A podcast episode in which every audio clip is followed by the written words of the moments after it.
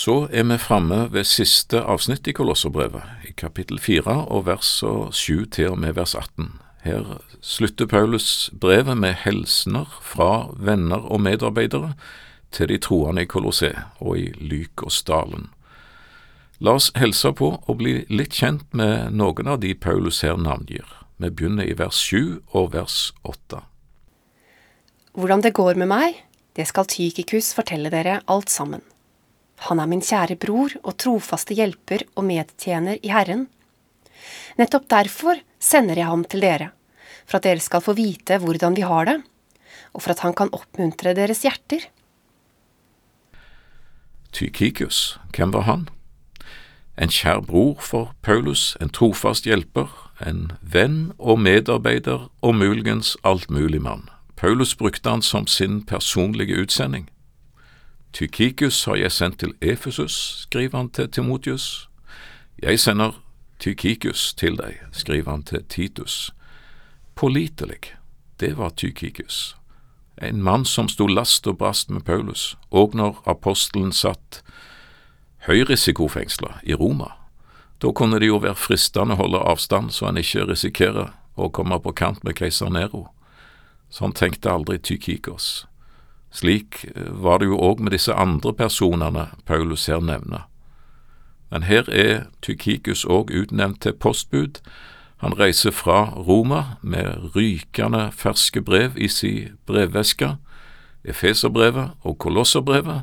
I begge disse brev omtales han som Paulus brevoverleverer, og han kan oppdatere dere om øvrige saker, hvordan vi har det her, osv nevner Paulus i forbifarten.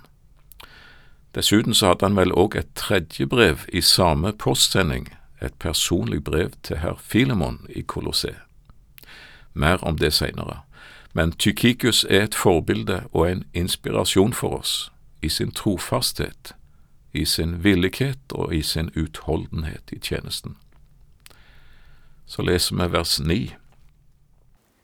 Sammen med ham sender jeg Onesimus, den trofaste og kjære bror som er fra deres egen by.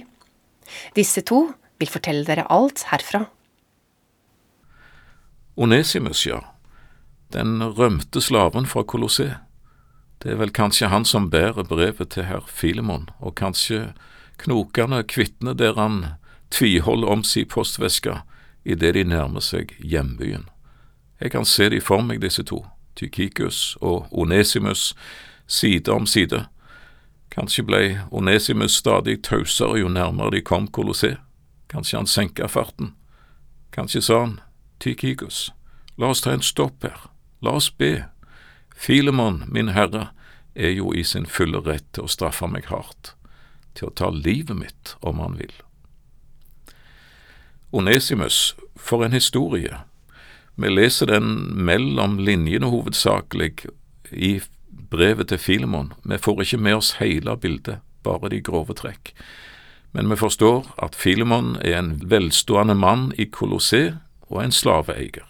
Kanskje omvendt under Paulus' opphold i Efesus, som det står om i Apostelens gjerninger 19. Så rømmer en av hans slaver, og det antydes at uh, denne slaven, Onesimus, benytter anledningen til å stjele ifra Filemon i samme slengen. Siden alle veier fører til Rom, er det der han havner, og på et eller annet vis, teoriene er forskjellige, ender Onesimis opp i fengselet og møter Paulus, og møter Jesus gjennom Paulus, blir frelst, viser seg nyttig for Paulus. Onesimus betyr nyttig. Paulus gjør et poeng ut av det i brevet til Filemon, og Paulus blir oppriktig glad i denne mannen, som en far er glad i sin sønn. Det er vakkert å lese apostelens brev til Filemon, og lese omtanken, varsomheten, hjertevarmen, både i forhold til Onesimus og Filemon, både til slaven og hans herre. Ta imot ham som du ville mottatt meg. Se på ham ikke som en slave, men som en elsket bror Skylder han deg noe, så skriv det på min regning. Jeg betaler! Utropstegn, skriver Paulus. Ja, tro hvordan det møtet blei, da Onesimus forsiktig gjorde sin entré og hans medslaver gispa. Det er Onesimus, han er tilbake, frivillig. Og se, der kommer Filemon, morsk i blikket. Onesimus bøyer seg ydmykt. Tilgi, Herre. Og så holder han skjelvende fram et brev. Til deg, Herre. Til meg? Fra Paulus? Det er sagt at Paulus brev til Filemon ble et av de sterkeste moment til opphevelsen av slaveriet som institusjon, på indirekte vis. Eh, hva Onesimus her nyttig angår, så sier tradisjonen at han ble en ordets forkynner, en betrodd tilsynsmann og en martyr for Jesu navns skyld. Så til vers ti. Aristarkus, min medfange, hilser dere. Det samme gjør Markus, Barnabas søskenbarn. Ham har dere fått beskjed om. Ta godt imot ham dersom han kommer til dere. Aristarkus først, min medfange, sier Paulus, de øvrige kunne vel komme og gå, men Aristarkus var arrestert sammen med Paulus. Vi får noen glimt av han i Skriften. Han var med Paulus under vekkelsen i Efesus i Apostlenes gjerninger 19, da hele byen kom i opprør. Da ble Aristarkus slept av gårde av den rasende mobben, som skreik og herja på i to timer, og som Apostelens gjerninger 19 sier temmelig eh, sarkastisk at noen skrek ett og andre annet, forsamlingen var i full forvirring, og de fleste visste ikke engang hvorfor de var kommet sammen. Men Aristarkus var der, midt i stormen, og han havnet i en ny storm og et nytt skipsforlis i Apostelens gjerninger kapittel 27, sammen med Paulus på veien til Rom. Og så møter man her for tredje gang, lenka trofast ved Paulus side i Roms fengsel. Aristarkus, en mann som sto for Herren i stormen en mann som ikke lot seg skremme eller blåse over ende. La oss ligne denne mann, trofast til døden, ifølge tradisjonen, som forteller at han ble martyr sammen med Paulus i Roma ca. år 67. Også Markus nevnes. Hører du varmen i Paulus' stemme når han sier ta godt imot ham dersom han kommer til dere? Det gjør godt å lese det Paulus hadde jo sjøl ikke alltid tatt så hjertelig imot Markus. Han hadde tvert imot slengt døra temmelig brutalt igjen like i Markus' ansikt, og det til tross for Markus sitt nære slektskap med den høyt respekterte Barnabas. Barnabas var jo den som tok seg av den nyomvendte Paulus, den forhenværende kristenforfølger alle var livredde for. Apostelens gjerninger 9 og helt til det femtende kapittel i Apostelens gjerninger er Paulus og Barnabas et uatskillelig team. Så tørner de i sammen, disse to gigantene. Hvorfor? Det handler om Markus. Barnabas vil ha Markus med på misjonsreise. Ikke tale om, sier Paulus.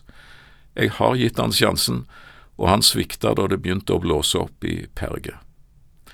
Vel, sa Barnabas, jeg kjenner han bedre enn du gjør, han er mitt søskenbarn, og jeg vet at han fortjener en ny sjanse.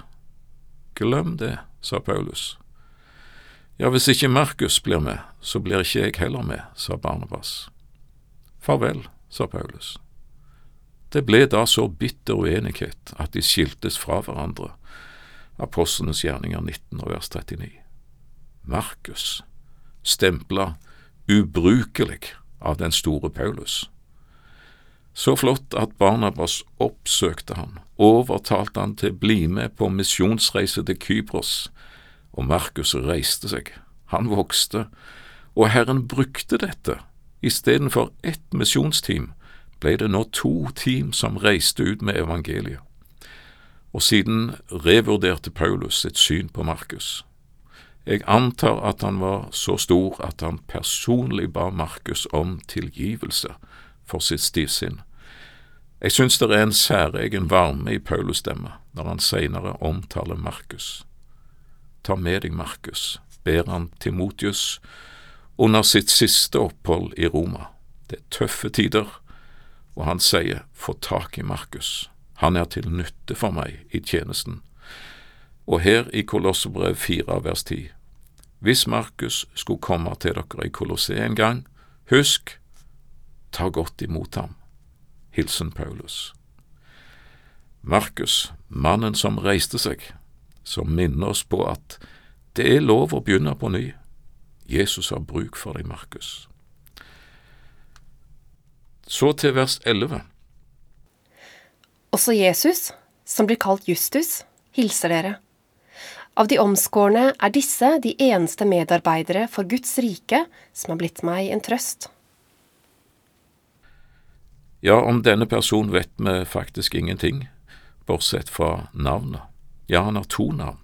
Justus, det betyr rettferdig, og han har navnet Jesus, som betyr Herren frelser. Du vet vel hvilket navn som gjør deg rettferdig for Gud, så visst ikke ditt navn, ikke mitt navn. Bare ett navn gjelder, gitt blant mennesker som gir frelse, Jesus, og det minner denne personens navn oss om rettferdig ved Jesus. Jesus Justus. Vers 12. Epafras, som er en av deres egne, hilser dere. Han er en Kristi Jesu tjener, som alltid strider for dere i sine bønner, for at dere kan stå fullkomne og fullvisse i all Guds vilje. For jeg gir ham det vitnesbyrdet at han har mye strev for dere, og for dem som er i Laudikea og Hierapolis.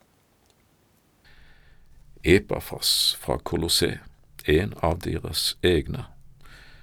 En antar ut ifra kapittel 1 vers 6 og 7 at Epafras var den som først forkynte Jesus i Kolossé. Kanskje var han sjøl blitt frelst under vekkelsen i Efesus, og han løp til sin hjemby med evangeliet. En trofast Kristi tjener for dere, sier kapittel 1 og vers 7. En Kristi tjener som alltid kjemper for dere i sine bønner. Det ligger virkelig på hans hjerte at dere får leve rett og inderlig med Herren, dere i Kolosse og i Ladoikea og i Hierapolis. Gud har gitt han en særlig omsorg og tjeneste for dere. Det kan jeg bevitne, sier Paulus. Epafas, evangeliet, forkynner og bønnekjemper. Slike behøves. La oss nevne i de siste og avsluttende vers, vi leser i vers 14. Lukas, den kjære legen, hilser dere. Likeså Demas. Hils brødrene i Laudikea og Nymfas og menigheten i hans hus. Når dette brevet er blitt opplest hos dere, sørg da for at det også blir opplest i menigheten i Laudikea, og at dere får lese det brevet som dere kan få fra Laudikea. Si til Arkipus, gi akt på den tjenesten du har fått i Herren, så du fullfører den. Hilsen med min egen Paulus hånd. Husk mine lenker. Nåden være med dere. Vi rekker ikke å si noe om de avsluttende ord, men det er godt å stille seg inn under den velsignelsen som den avslutter med. Nåden være med dere. Amen.